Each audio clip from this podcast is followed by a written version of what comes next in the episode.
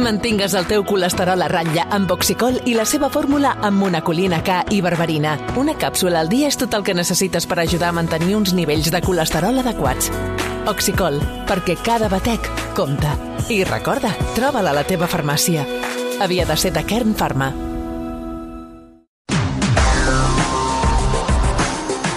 21 minuts, arribarem a les 6 de la tarda i ens acompanya el periodista de successos i tribunals de la Vanguardia i col·laborador de rac Toni Muñoz. Toni, bona tarda. Bona tarda. Mira, avui toques un tema que, quan eh, m'han dit que el proposaves per, mm -hmm. eh, per comentar, eh, ja fa dies que li dono voltes, perquè m'agraden aquests, aquests, aquests, aquestes notícies que apareixen un dia, dos dies, i després ja no se'n sap Ja no res s'han més. passat... Sí. I avui, quan he vist que tractaves la qüestió, he pensat, mira, m'agrada perquè seguia el fil a la desaparició d'un jugador de rugby que es diu Levi Davis, eh, a Barcelona. Recordem que n'hi va haver un que era d'Austràlia, que a la sala Polo va saltar per un Sí. lloc que no hauria d'haver saltat i, malauradament, es va morir. Però, en canvi, tenim la desaparició d'aquest jugador de, de rugby de 24 anys que eh, després de perdre la pista al Hard Rock Café de plaça Catalunya, el 29 d'octubre, jo no he llegit res més sobre, sobre aquest senyor.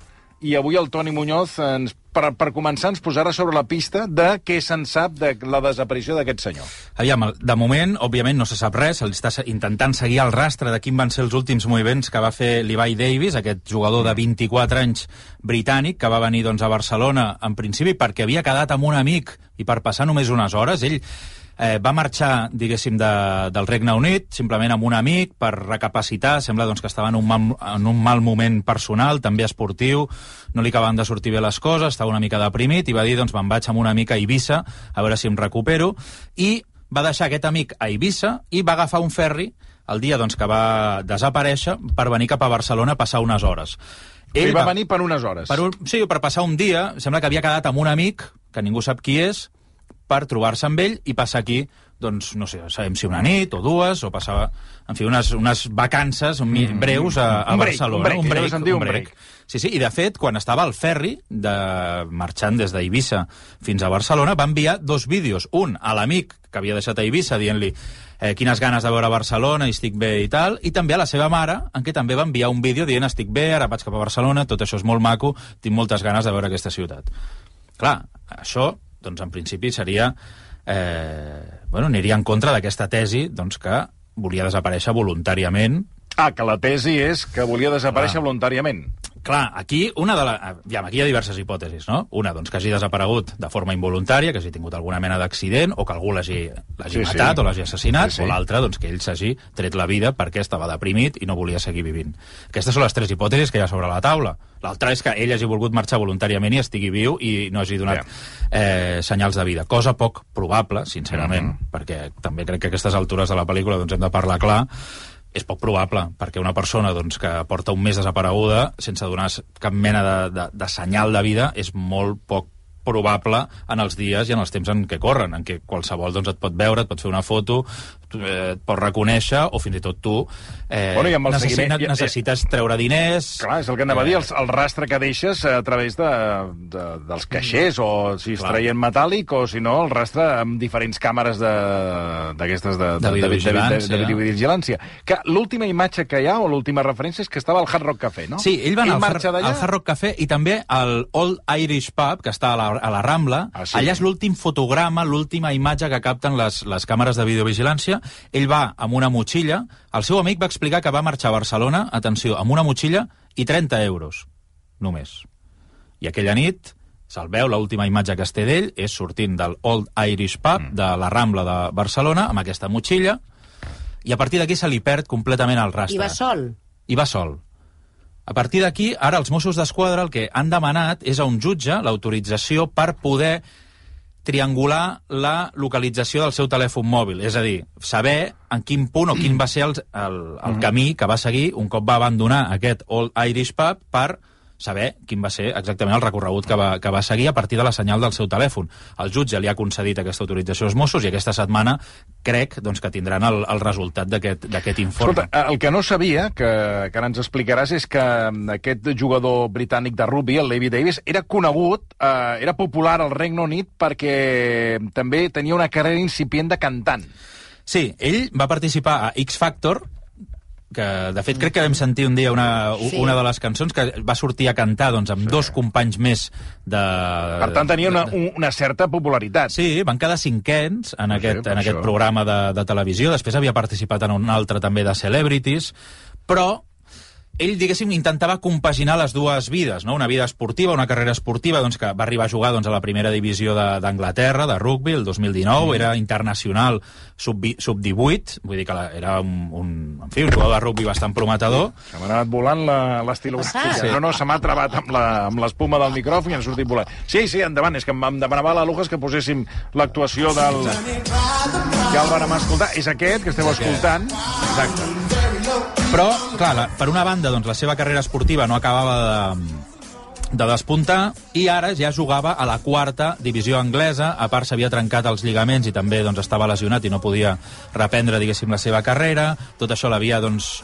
En fi, estava, estava deprimit els últims temps i s'havia vist abocat al món de addiccions d'alcohol, drogues, i sembla ser que en els últims temps, això és el que va declarar la seva mare, que va venir a Barcelona per prestar declaració davant dels Mossos d'Esquadra, que deia doncs, que havia tingut eh, enfrontaments i conflictes amb diversos traficants de droga que li reclamaven diners i ell doncs, havia acabat demanant diners a algun dels seus amics per pagar aquests deutes amb les drogues. Per tant, ens trobem en una situació amb un còctel Bueno, una mica explosiu. que, Digue'm, que ens has, que ens has eh, explicat abans de... quan preparàvem el, el guió, i és que l'Evi fins i tot va penjar una foto del seu primer nu integral al compte d'OnlyFans, Sí. per també guanyar uns diners. Clar, ara ja, als últims temps, de fet és el dia abans que desaparegui, ell decideix ja penjar una foto d'un nu integral per intentar aconseguir diners, perquè, com dèiem, la seva carrera esportiva doncs, no estava funcionant, la seva carrera musical tampoc acaba de despuntar, i ara doncs, estava intentant obtenir ingressos, també, suposem, doncs, per pagar els deutes amb aquests traficants que li reclamaven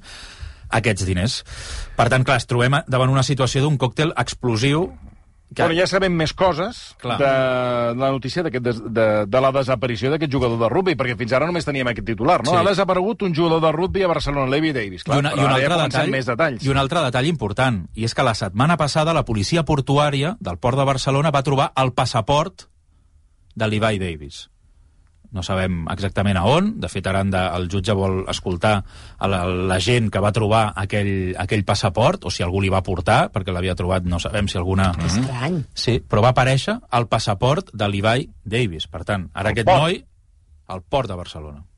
Per tant, a partir d'aquí entenem doncs, que seguiran el, el rastre. Aviam, està clar que no pinta bé la història, el desenllaç d'aquesta No, no, història. està clar, està clar. Però, bueno, almenys eh, avui hem, hem posat una mica més de llum. Sí, sí, No, no, el que sabem són aquestes coses, no? no? I ara, doncs, els Mossos d'Esquadra se'ls hi obre doncs, aquest nou horitzó a partir doncs, de la geolocalització del seu telèfon mòbil per intentar esbrinar què és el que li ha passat, si és que li ha passat alguna cosa, a aquest jugador de 24 anys de, de rugby.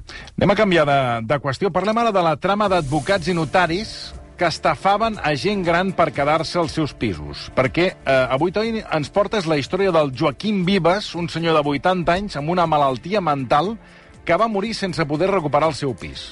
Sí, us poso una mica en antecedents. Fa un parell de setmanes vam parlar d'aquesta trama d'advocats i d'un notari doncs, que es dedicaven sobretot a enganyar eh, gent gran que tenia pocs coneixements financers, els oferien eh, allò que alguna vegada hem parlat aquí, d'una hipoteca inversa o una renda Sí. vitalícia, no? allò que tu cedies al teu pis, podies seguir-hi vivint, però a canvi et donaven una renda mensual i quan et mories, doncs, el Es que estava quedaven en al propietat es quedaven al pis. No? Doncs aquesta gent el que feien, et venien primer això, però no era, una, no era real, sinó que t'enganyaven i al final et fotien al pis i et fotien fora de casa. Això va passar amb un centenar de casos, és a dir, 100 famílies els hi van... Els hi van, Els hi van estafar? Els hi van Ah. estafar. I ara, després de 7 anys, el cas ha arribat a judici, que no sabem encara quan se celebrarà, però ha sigut una investigació molt, molt complicada perquè realment era un entramat molt complicat, hi havia moltíssimes empreses pel mig que creaven aquests estafadors, hi havia molta gent i moltes persones interposades, i finalment el que sabem en els escrits d'acusació és que la Fiscalia demana 20 anys de presó per al principal líder de la trama, que es deia Francisco Comitre, que és un advocat, que era model, Sí. i que s'havia consorciat doncs, amb un altre notari de la Diagonal de Barcelona, que es diu Enrique Peña, i amb un altre estafador que recordaràs que es diu Artur Sagarra, que és un senyor tot tatuat que van condemnar a mort a Tailàndia per la mort d'un altre Sí. català. Doncs aquesta persona també forma part d'aquesta estafa, malgrat que, Que no aquest serà està a la presó ara. Està a la presó a Tailàndia, Sí, sí. el van condemnar... Bueno, perquè va esquartarà, si no recordo malament, i llançar a l'aigua amb, altre- amb, un empresari català. amb un empresari català que havia estafat. Mira si me'n recordo, perquè és d'aquests casos que em van impactar. Doncs efectivament. També aquest està ell. Estaria també en aquesta trama, Una malgrat perla. que el jutge ha considerat que es troba en parador desconegut. Tothom sap que està a Tailàndia. A Tailàndia. Ja, però com que no s'ha personat, no l'han pogut detenir, diuen que no saben on està, Ja, potser el jutge no sap ni, ni on és Tailàndia, perquè, clar, és que és, és, que és així està clar. Bueno, oficialment no Clar, sap on està. està. a Tailàndia, està a Tailàndia eh, empresonat, i diu que no sap on està. doncs, oficialment diu que no, està en parador de la, desconegut. De la justícia, no que l'entengui. Bueno, Sí. Doncs aquesta, aquesta trama que estafava aquests avis, doncs Sí. avui us posem un cas concret, que és el del Joaquim Vives, que és un, un senyor doncs, que tenia, aquesta, tenia una malaltia mental, tenia un trastorn de personalitat i que va contractar aquesta renda vitalícia, va, par va parlar amb aquesta gent pensant-se Clar. que eren gent seriosa. Bueno, és que eh, quan arribes a segons quina edat, quina sortida tens en moltes ocasions? Clar. Doncs fer aquesta renta, eh, aquesta... Eh, Hipoteca inversa. Hipoteca inversa. I, i, eh, que és la de... eh, El pis el queden ells, Ja però no tinc el pis mentrestant... en propietat, però em pagueu però unes rendes més mentre el visc. Exacte. Doncs aquest En senyor aquest el que va fer és això, va fer això, i a canvi li pagaven 250 euros cada mes. Va rebre 6.000 euros, és a dir, li van pagar durant el primer any, però a partir d'aquí ja no va rebre ni un euro. Ni un euro va rebre. Aleshores, aquest senyor doncs, va parlar amb aquesta gent i va dir, escolta, com pot ser que no m'esteu pagant? I què van fer? Doncs va dir, ah, perdona, Joaquim, doncs ara ho arreglem. Van tornar a anar a la notaria de l'Avinguda Diagonal d'aquest Enrique Penya i allà li van fer signar do, dos papers. Un, un poder en què donaven, diguéssim, tota en fi, la capacitat per operar als estafadors, és a dir, aquest senyor no sabia què firmava, doncs va dir, us dono el poder sobre el meu Als patrimoni estafadors? als estafadors, i eh, també un altre document on és, que es deia d'alliberament del deute. Què vol dir? Doncs que jo no us dec res. És a dir, que els, el... Els O sigui, li van, fer, li van fer signar dos documents, Sí, sí. alliberament del deute Exacte. i tots els poders amb els estafadors. Exacte. Què van fer els estafadors quan van rebre aquests, quan li van fer signar aquests documents? Van vendre el seu pis. I li van vendre aquí, a un altre testaferro, un també que estava consorciat per allà. Li venen aquest pis, aquest senyor falsifiquen tota la documentació, li donen la hipoteca, compren el pis, els estafadors rebren els diners de la hipoteca, marxen, s'esfumen, i aleshores queda aquest testaferro que deixa de pagar la hipoteca perquè no té ni un, ni un euro, i tenim el Joaquim que segueix vivint, no rep aquesta renda vitalícia, tenim aquest testaferro que no paga la hipoteca i que, per tant, el Joaquim ara, el que, en, en aquell moment, el que li passava és que li volien prendre el pis, perquè, clar, aquell pis ja no era seu Clar. i ja era d'aquell senyor que havia signat una hipoteca, però que no pagava, i, per tant, li havien d'embargar aquest pis. Clar, aleshores aquest, eh, el, el Joaquim doncs, estava en una situació desesperada, això va ser l'any 2014, i ell li van fer un reportatge a TV3 que s'explicava d'aquesta manera. Però jo no, jo no he fet cap, cap compraventa. Jo he firmat un paper en blanc per retrasar el judici. I resulta que, que, que, que m'han fet una altra cosa. M'han fet, fet uh, deixar de cobrar, deixar de pagar...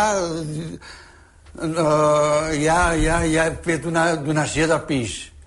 Una donació del pis. O sigui, o sigui que estic jo amb un, peu al carrer. He, fet, he fet la compraventa, però fins, fins que sigui mort. Aleshores se queda en el pis. Però de moment jo, jo estic, jo estic amb, angúnia perquè estic, estic amb un peu al carrer. Clar, aquest senyor, clar, que tenia aquesta malaltia mental, que era una persona amb discapacitat, que va confiar en aquesta gent, doncs simplement es van quedar al seu pis. I et diré una altra cosa. És a dir, a, a hores d'ara, com que no s'ha celebrat el judici, la família, que serien els hereus del, Sí. del Joaquim, no han recuperat aquest pis. No és seu. Clar, perquè aquest pis Clar, és ja del qui, de- se'l, clar. del, del qui se'l va quedar en el seu moment, Exacte. Doncs clar, ara el que s'ha de fer en aquest Però procediment... se'l però- va quedar va pagar. El que se'l va quedar, no, no va, no va, no va, mm, no, no va pagar. Simplement estava Però com si no ha embargat pagat, Però, per però, la si no ha justícia. però, però, però la documentació i tot el que es va signar era, era, era fraudulent? Com pot ser que se li doni validesa? Clar, però eh, això es demostrarà i es certificarà un cop s'hagi jutjat. És a dir, ara tothom sospita o se sap que, que és una documentació fraudulenta, però fins que no es dicti sentència no serà fraudulenta de veritat i, per tant, no es podrà Ara retornar, s'ha- diguéssim, s'ha de la ser propietat. molt fill de... Sí, sí. Miserable. O sigui, Bueno, hauries de... Sí. Cabrón, sí, cabrón. Bueno, cabron no, jo ja vaig a més fill gros, de la gran... més gros l'insult. És Sí, que sí. És, és increïble que Doncs això amb 100 famílies? Sí, 128.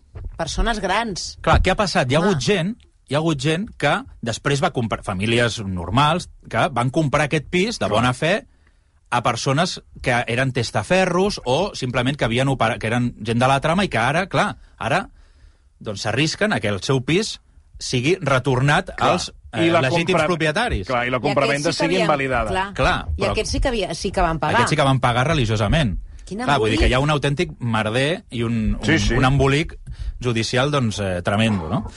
Què va fer el Joaquim? Doncs a, a través de serveis socials el van derivar a una entitat de, de Girona que es diu Suport Girona, que ajuda a persones doncs, que són víctimes d'estafes o, que, o d'abusos per part doncs, de, de l'administració o d'altres persones. Mm. I avui hem parlat amb el seu director, que és el Josep Maria Soler, que ens ha explicat precisament el cas del Joaquim i com ells van ser doncs, qui van aconseguir al final estirar del, del fil i posar sobre avís als Mossos d'Esquadra que es, esbrinessin o investiguessin què és el que estava passant, no només amb aquest cas, sinó amb altres, perquè veien coses Home, molt 128, estranyes. eh, I clar, no ell explica una cosa, i és que diu, el Joaquim va presentar una querella.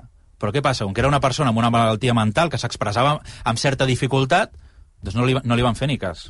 eh, aconsegueix, primer, un suport d'advocat d'ofici per presentar una querella. Val? Resultat, senyor estrafolari que parla raro, que no, la, no tenim ganes d'entendre'l, que, mm, saps què? Arxiu. Quan tu et mires aquella querella i s'explicava tot molt bé i era bastant evident. Només que els jutjats d'instrucció de, de Blanes haguessin tingut una mica d'esma d'escoltar el senyor i d'estirar del fil, jo estic convençut que, que haguéssim pogut fer alguna cosa. Però clar, amb el Josep Maria Soler, que és el director d'aquesta entitat, Suport Girona, doncs clar, al final li arriba aquest cas, comença a mirar i diu, però és que aquí no es tracta només d'una estafa, es tracta d'una estafa molt elaborada, molt sofisticada, hi ha molts papers, molta gent involucrada, hi havia moltes empreses. Ell es va donar doncs, que les empreses es creaven eh, a una data i al poc temps es tancaven i se'n creaven unes de noves. Vull dir, tot això era mm -hmm. per anar amagant realment qui hi havia al darrere d'aquesta estafa i tot això doncs, al final va ser quan el, el Josep Maria doncs, va anar als Mossos i va dir, escolta, aquí hi ha una cosa, una estafa molt grossa. Tinc la, la sort no, de que, que som molta gent. Avui ja són 115 treballadors a Suport Girona. Però, bueno, comencem a estirar ja del fil i comences a demanar pues, eh, els assentaments del registre i comences a demanar a les notaries les còpies de, dels documents teòricament allà que figuren allà com a avaladors d'aquelles anotacions del registre i et comencen a sortir noms i llavors jo em dono compte que aquí que això no és casual, que no és, no és que un dia una empresa eh, de, de finançament de vitalicis i coses d'aquestes eh, se li acudís passar per allà, sinó que hi ha més coses. Escolta, i l'advocat Francisco Comitre, eh, a tot això, clar, està a totes les salses perquè ara està sent jutjat aquests dies per un altre cas relacionat amb una, amb una trama de tràfic de drogues. Què ens pots explicar sobre aquest cas? Doncs clar, eh, Francisco Comitre era aquest que era model, que era advocat, que tenia una gran presència, no? I clar, aquesta posada en escena doncs, que feien uh -huh. impressionava els clients, no? Ell eh, se'l considera el líder de la trama, com dèiem, la Fiscalia li demana 20 anys de presó pel cas dels avis estafats, però és que, a més, ara s'asseu al banc dels acusats a l'Audiència de Barcelona. Bé, no és mm, realment a l'Audiència, ho fan a la Ciutat de la Justícia, perquè allà hi ha molt més espai, perquè es jutja fins a 46 persones per tràfic de drogues. Tot això va haver una operació al novembre del 2019, una operació en què jo vaig anar in situ, al barri de Sant Roc de, de Badalona, en què es buscava eh, desarticular l'organització criminal de tràfic de drogues que liderava el tio José, val? un clan doncs, Sí. eh, bastant hegemònic al barri de Sant Roc. Es van detenir eh, una quarantena llarga de persones, entre ells el tio José, que encara està a la presó, però què pinta Francisco Comitre en aquesta trama? Doncs la seva dona, la seva nòvia, una senyora dius, que es diu Melania Cabello, com ha publicat aquest cap de setmana el La Jesús nòvia García... d'aquí, del Comitre o del, Del comitre, Del comitre, del, del comitre. del comitre. Doncs aqu aquesta noia sembla que es dedicava, treballava per l'organització del tio José en uns baixos de Sant Roc i el que feien era eh, acumular i guardar els diners. És a dir, feien allò... És com a les pel·lis de narcos, doncs, que sí. posen els diners en, un, en unes Sí. bosses de plàstic i després les posen al buit. Sí. Doncs això és el que feien al O no, sota. Ozark, per exemple, la sèrie exacte, que les van, les van ajuntant i al final fan eh, pràcticament eh, un edifici amb tota la, tota la pasta que van guanyant. Doncs això és el que feien al... al Això feia la dona del al- comitè. Exacte. Al, allà al soterrani de- d'un dels pisos de d'aquest, en fi, de Sant Roc. Sí, sí, val? sí, I sí. també doncs, es dedicava també a distribuir la, la droga, la cocaïna, no? per diverses parts de, de Catalunya. Quan comença a sortir amb el Francisco Comitre, que és aquest advocat, que ja ha estat aleshores eh, imputat per aquesta Ara, és causa... allò de Dios los cría i ellos se juntan, eh? Doncs aquest... Eh, aleshores decideixen repartir la droga junts i la reparteixen i distribueixen la cocaïna.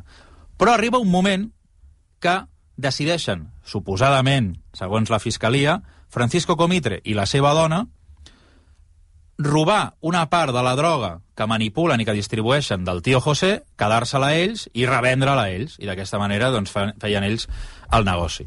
Al final doncs, van ser detinguts en el marc d'aquesta Però operació. el tio José ho va saber o ho no? va saber, ho va saber. Ui, pues. Ho va saber. Poca broma amb el tio Poca José. broma, poca broma. I Perquè al final... De, la, la sèrie és aquesta dos arcs, saps? Sí, sí.